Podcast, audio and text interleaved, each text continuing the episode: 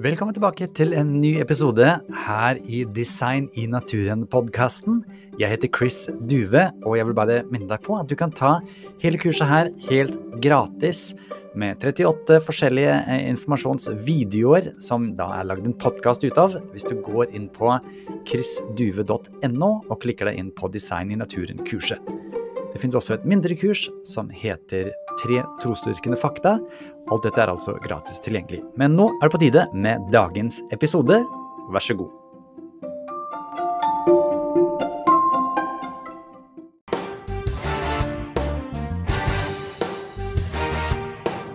Good evening, uh, or actually good day to you, Dr. Michael Behe. Thank you for joining us. My pleasure. Yeah, it's it's it's wonderful to be with uh, everybody in Norway. That's good stuff. Uh, Behe, is that a German surname or where does that come from? Well, I'm told it's supposed to be Dutch. Okay. Uh, I'm not sure, but that's what my parents said. Great. Well, I have enjoyed your uh, books and your writings, and actually, we now have one of your books in Norwegian. Oh, that's called terrific. Darwin Pareter or Darwin um, Devolves, and we'll get Uh-huh. more more into that. And I've enjoyed your YouTube interviews, and uh, I actually I have to tell you I have a signed copy Oh, of Darwin's Black Box. all right. when I that met makes it you- a lot more valuable. So, so that's great. And um, uh, I would like to know: Have you always loved to do science? Yes, uh, even in grade school, I thought science was fascinating. That I wanted to learn how the world worked, and so in high school, I decided since everything is made of chemicals, I would study chemistry, and I did, and then I became interested in biochemistry, and uh, yeah, so that's been the story of my life. And uh, what have you done? I mean, you you've taken uh, done, done a doctorate, and then you've worked as a professor. You have you published stuff, uh, research? Or what's your what's your background?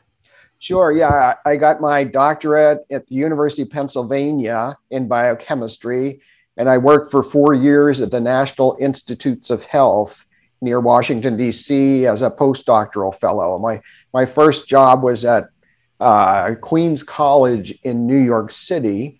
And then I transferred to Lehigh University. I've, I've gotten a number of grants in my uh, career, although not recently. Uh, and uh, I've published 40 or so research papers. Uh, so, yeah, I'm uh, an active, or at least was an active practicing scientist until I got into intelligent design. And then that kind of takes over your, your life and uh, makes it more difficult to publish things. But you became an author after that like, with books, yes, right? that's So, right. I actually reached a, a lot more people with my books than I ever did with my public or my papers. and most of what you've been doing is about biochemistry. Yes. Yeah. Yeah. My first my first book was entitled uh, Darwin's Black Box: The Biochemical Challenge to Evolution. And as a biochemist, you study the molecular level of life, which is the foundational level of life. And in order for evolution to work, it's got to work at the foundational level of life. So it's really biochemistry that can decide whether Darwin's mechanism, Darwin's theory, is, is going to work.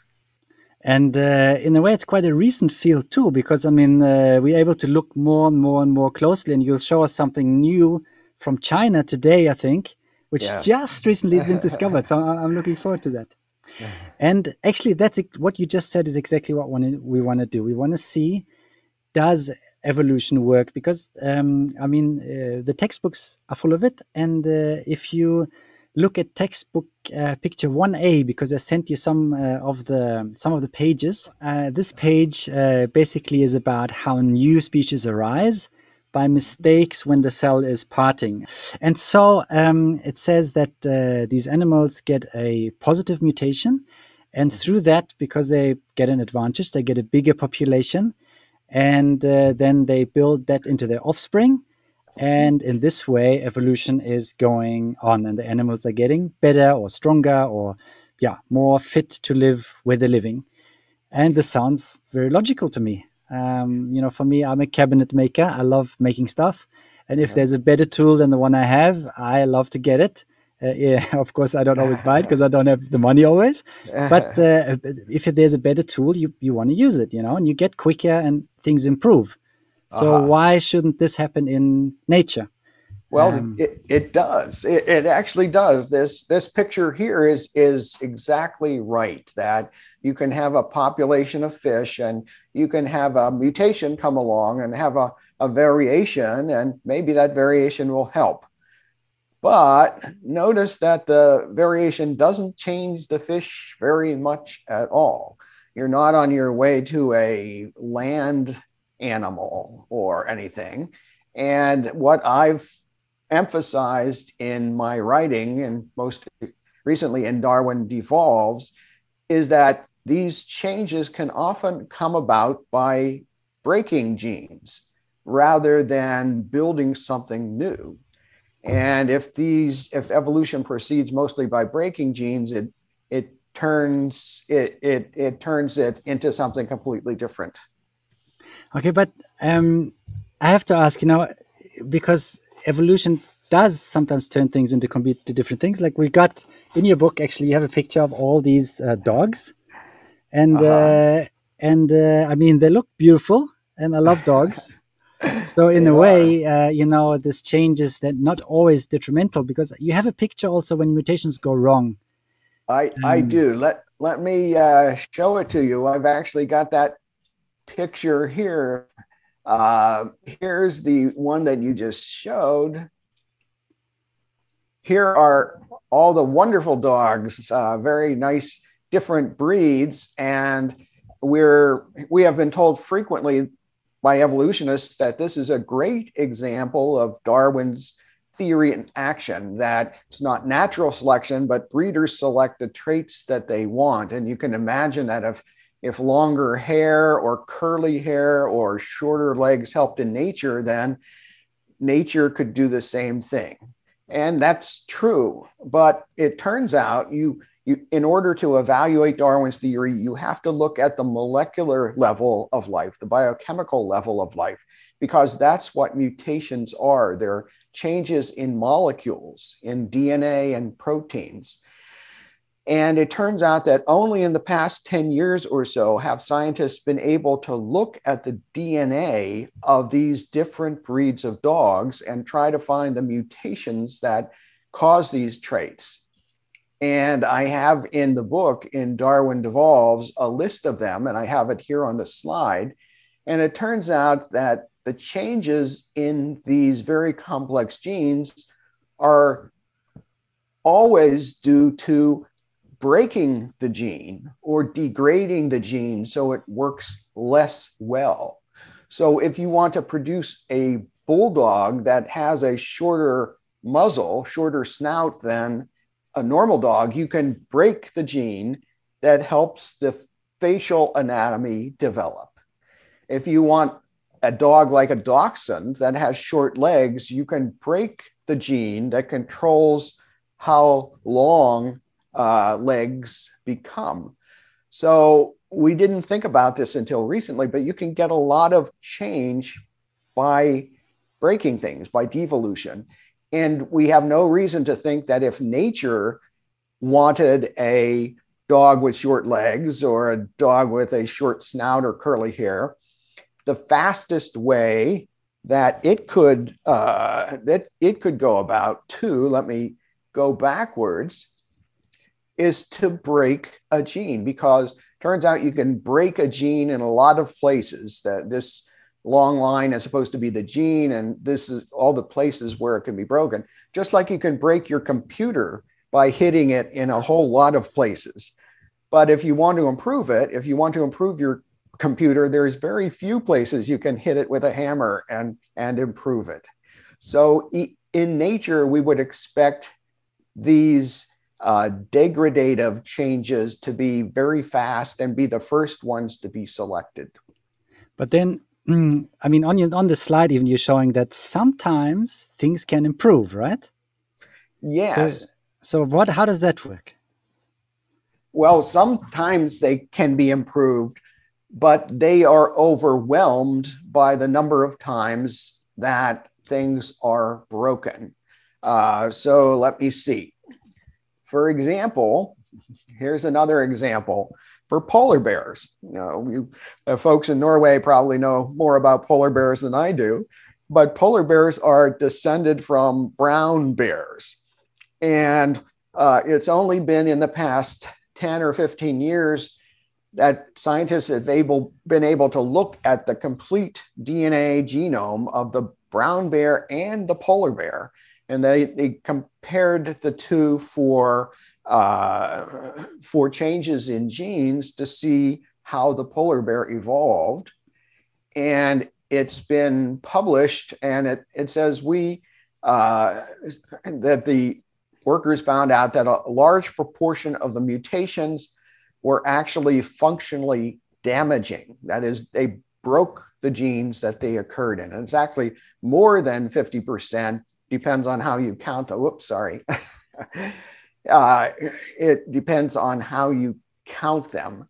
But an image that I like to show people of Darwinian evolution at work is, is this that this is a picture of soldiers that were going to invade a place across the bridge, but the people blew up the bridge first, and now they can't invade. So that is a helpful change uh, for the people that the soldiers were going to arrest. But you're not uh, building anything. Not, not, a constructive one, and constructive it doesn't tell, tell doesn't explain how bridges get to be built. And it turns out, literally, that's what Darwinian evolution does. It blows up some genes or it knocks them down, it hurts them or breaks them. Uh, and that can help sometimes. But, um, but that's not the way uh, things get built. And let me give you, I think, uh, just one more example of that. Here's a, um, here's a nice car, very shiny, very new. I, you know, um, but suppose that you owned this car and your life depended on it getting better gas mileage. Your life depended on it. So, what could you quickly do to help this get better gas mileage? Make it well, lighter. You could, you could throw away weight. You could throw away the doors and the hood and so on. This doesn't look as nice as this, but if your life depended on getting better gas mileage, this would be the way to change your car. So it seems like biology does the same thing. Now, at the same time, um, you know, if you're saying that some percentages were bad, it sounds like some mutations were good as well, like in the in the polar bear or so. And, and uh-huh. if we let, let's say there are some good ones, you know, so, so in this next chapter uh, that we're looking at, um, you don't need to get the image because there's no image; it's just text. But I'll I'll, I'll read it to you. Um, it says uh, about it's a there's a chapter about macro, macroevolution in this textbook, uh, and it says the next thing needed for evolution by natural selection is that traits are passed on from one generation to the next through the code in DNA. The copying of DNA is not 100% perfect, so the traits that are passed on are slightly changed from generation to generation. So those would be the mutations. And so, so you're building up the positive mutations until there's a bigger change because it is a chapter about macroevolutions. And it's kind of like building a staircase you know you you start at the bottom and you build yourself up. I'm, I'm a cabinet maker as i said and love building things and that's how it works. You start with something and then you accumulate the changes and in the end you're on top of the staircase. Uh-huh. and so, so uh, couldn't mutations do something like that? Well, in your imagination, they can. but it, it turns out that if you think back to the uh, the dog breeds, okay, a mutation comes along and it is selected.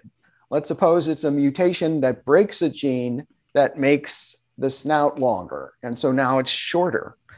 And that might be helpful because breeders might like that dog and select it to breed for future generations. But you are missing the gene now that helped the snout grow longer. Is that gene gone? It's gone. It's okay. gone forever. It's not just sleeping. Okay. That's that's right. It's not sleeping. It's broken. Uh-huh. And uh, in order to get a new gene, that requires many mutations, not just one. So uh, it's it's gone forever. And then if you want to say make the legs shorter, yeah, you can select that too, but that's another broken gene and that will be gone too. So rather than building staircases, you, pretty much you start with a staircase and you're knocking off stairs. You're hitting stairs and maybe it's better you don't want to go so high anymore uh, or the air is better at lower levels. Uh, that's fine. But now you're stuck and you don't have the staircase anymore. Um, in the past, uh, it seems like people have been done doing a lot of experience with this fruit fly that you mentioned in yes. the Edge of Evolution, uh-huh. and they've been doing lots of mutations. I mean, they've shot this thing uh, dead, as it were, with yeah. different. Uh, but yes. they achieved mutations, right? They got four wings and they got that's interesting right. stuff. Yeah. Uh huh. They got lots of stuff, and what they didn't get is something other than a fly. Though they they could break the wings, they could have two pairs of wings, but the but the fly can't fly with the two pairs of wings okay. because one pair doesn't have muscles attached to it. And they do it by breaking various genes you know all of the things in your body require reg- very strict regulation to occur. So if you find i think we've got a, a picture of some poor person who was born with a lot of different fingers more than five seven or eight you can do that by breaking the regulatory element that tells the body when to stop making fingers and so it just keeps on going. And that's interesting. Maybe it there would even be a circumstance in which seven fingers would be helpful. But that regulatory element is is gone then. And you won't be able to get back to the five fingers as as before. So it's like the same thing with the fruit fly. You can lo- cause a lot of changes in the fruit fly by mutation, but few of them, almost all of them, will be destructive or degradative. They are breaking things that are already there. They aren't building new things. That kind of gives leads me to my next question because um, you know in the edge of evolution uh, you have this graph where you're showing uh, what's could be possible by evolution because now we're looking at the micro um, uh, level and we're looking at what can mutations what can genes do what how can the offspring change? Mm-hmm. and back then you had this graph where basically you're saying that the only thing that changes you can't build, build cells you can't build life you can't do but you can change the orders the families and the genera uh, and uh, of course uh, species varieties and so on. But the edge would be genera families and orders. So, so you could I don't know, get I guess dogs and cats. That's different genera, right? Yes. So do you different still, families, yeah. Mm-hmm. Different families. So, so mm-hmm. do you mm-hmm. still agree to what you wrote here? Well, uh, uh not exactly. okay. I now think I now think the edge is a lot lower, a lot deeper into biology than I thought back then.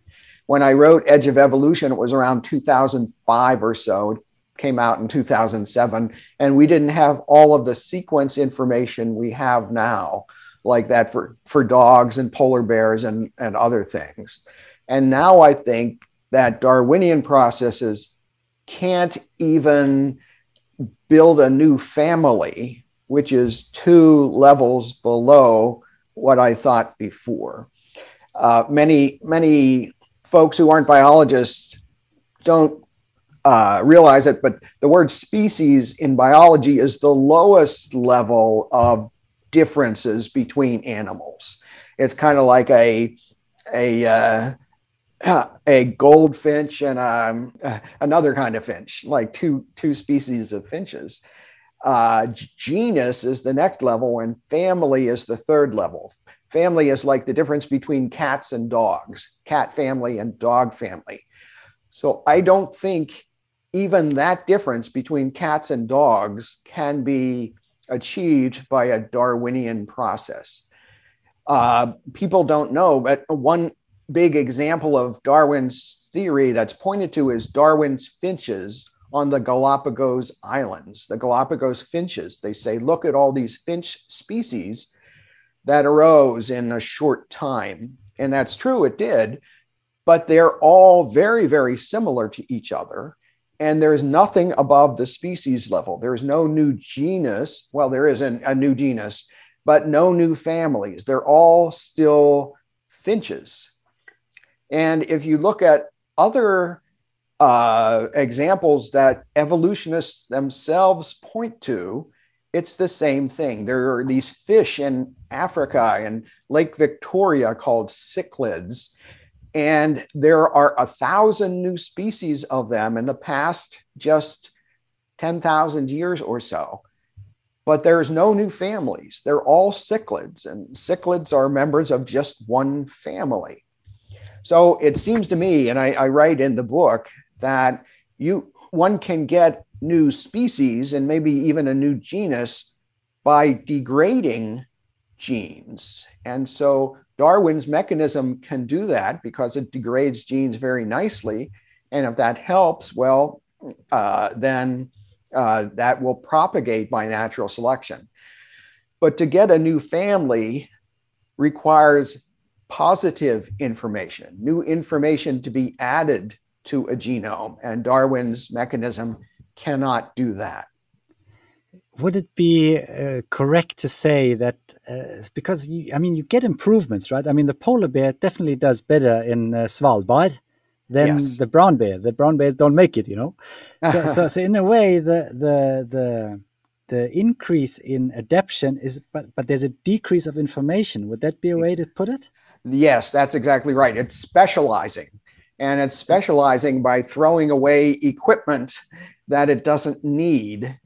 Uh, so the polar bear is very nicely adapted, uh, specialized to the Arctic.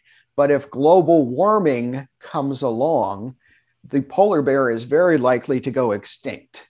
It's not going to become like the brown bear again. It's mm-hmm. lost the ability to live on berries and, and uh, food that the brown bear eats. So you can think of, say, um, families or the first members of a family as having a lot of different possibilities. And then if a group from the family goes over here, they can specialize to this environment by losing some genes. And another group can go to a different environment and specialize by losing some other genes. So you could get new genera and new species, but you don't get anything at the family level or or higher. So, in other words, when uh, when this textbook called uh, BE Biology by Gyldendal, when they uh -huh. say that this is the line, this is how it happens, you're building up, and the text actually goes evolution changes the genes from generation to generation, and the process has no plan and no goal uh, where the timeline is showing steady increase in complexity and in size uh, through mutation. That to me intuitively looks against the second law of thermodynamics. Right, right. Uh, second law just says that things will become more disordered, and one way to become disordered is to break something. And but the the specific context of biology means that sometimes when you break things, that that's helpful. Like when you throw away the door of your car to get better gas mileage, or when you break the gene that causes fur to be brown in the ancestor of the polar bear, you know, that that circumstance is that helps, but it's not building anything. And this sequence of organisms is simply somebody's uh, imagination of hey let's start with something simple and then uh, then uh, line it up with things that appear to be more complex. But nobody has ever seen this happening in a laboratory. It's only been in the past 10 or 20 years that scientists have even had the tools to look at the molecular level of life where mutation occurs. Again mutation is changes in molecules And uh, from what I discuss in Darwin Devolves, uh, this is this is fanciful, um, and um, you can evolution certainly happens, but almost always it's degrading things, and luckily that can help uh, some organisms survive in in specialized circumstances. So uh, basically, to sum up, um, what you're saying, your research is showing you is that evolution is actually going downhill, even though the adaptation is going uphill, mm -hmm. and that the limit is actually within species, even for that kind of uh, downhill direction. That's that's correct. Yeah, they don't make the mistake of thinking that Darwinian processes can't do anything. They can do some things, and they can be medically important in disease and, and things, but they're mostly breaking things. Does is that also the case when you're looking at um, resistance of uh, uh, antibiotics and stuff? Yes, yes, that's also the case when you're looking uh, frequently when you're looking at antibiotic resistance. That uh, sometimes a a drug will bind to a particular protein that a gene codes for in a bacterium, and that that is the basis of the antibiotic killing it. But sometimes then the if the bacterium breaks the gene that makes that protein, the drug can no longer bind and it's it survives. So you can it's it's like um, well I could I could use some analogies of you know burglar trying to get in a house if the burglar has a key for the front door, uh, you can stop him by hitting the front key uh, front lock with a hammer so his key no longer works. And if you can get in through the back door and he doesn't have a key for that you're okay. Uh, what you're not doing is making new locks and new keys. You're you're either destroying one uh, or the other so, can you think of any mutations where something is actually being built, where things are getting better?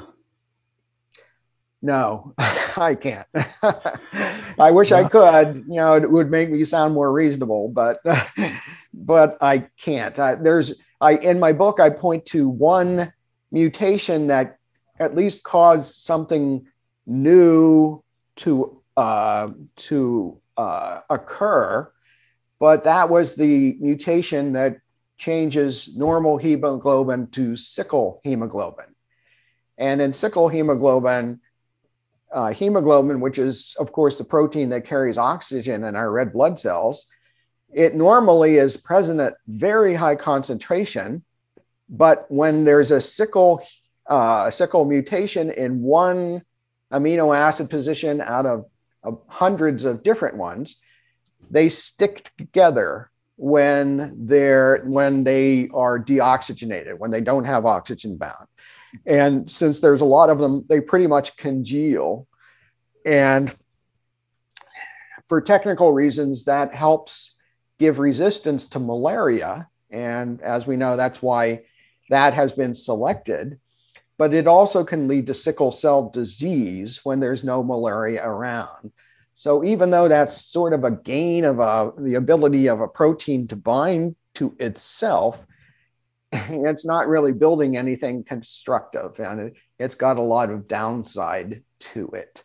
I think and even the, the next generation children, some of them die young and. Uh, exactly. Mm. It, it's a desperate change for a desperate circumstances. And it's certainly not on its way to building anything. So, um, what do your what does your opposition say to this? I mean, people read your books, and as far as I've understood, uh, I watched this one interview with you and John West, where you're all about all the people that are speaking against you, and you take them seriously. You write answers back, and you you actually I, I, that really impressed me about you as a scientist because I felt you were um, both energetic and humble enough to receive that criticism and look at it and then write back you know? So so what do they say when you when you say that this is the only thing evolution can do? Well um, the problem is that darwinists are the uh, majority opinion. And it's in most places and most segments of society, Darwin's theory is assumed to be correct. And so when a person like myself or John Wells or John West or other folks write criticisms, they're usually dismissed or ignored without actually answering the criticisms. So the criticisms that I have raised in Darwin Devolves, some people have written reviews of the book. Some very prominent scientists have. And in my humble opinion, they ignore the substance of the book and they just talk about how I'm obstinate and and I'm not I'm still proposing this theory that they don't find acceptable, but they don't answer the criticisms. They don't need to take this seriously. They don't want to take it seriously. And so they just ignore it for the most part. Okay. Well, to sum things up, uh, we've kind of uh, established through uh, the, the details of uh, gene sequencing and what we now know about animals that, um, yeah, it's mostly devolution, which is basically Darwin på retur, so it's, it's going downhill, even though adaptation is going up. And we've re-established what you're saying here that there's an edge that evolution can do and now you're correcting yourself by yeah. saying it's even yeah. less than evolution can do only in the species okay yeah. well that would be uh, i think enough for this session thank you so much uh, for your time and we'll see you in the next session okay nice to be with you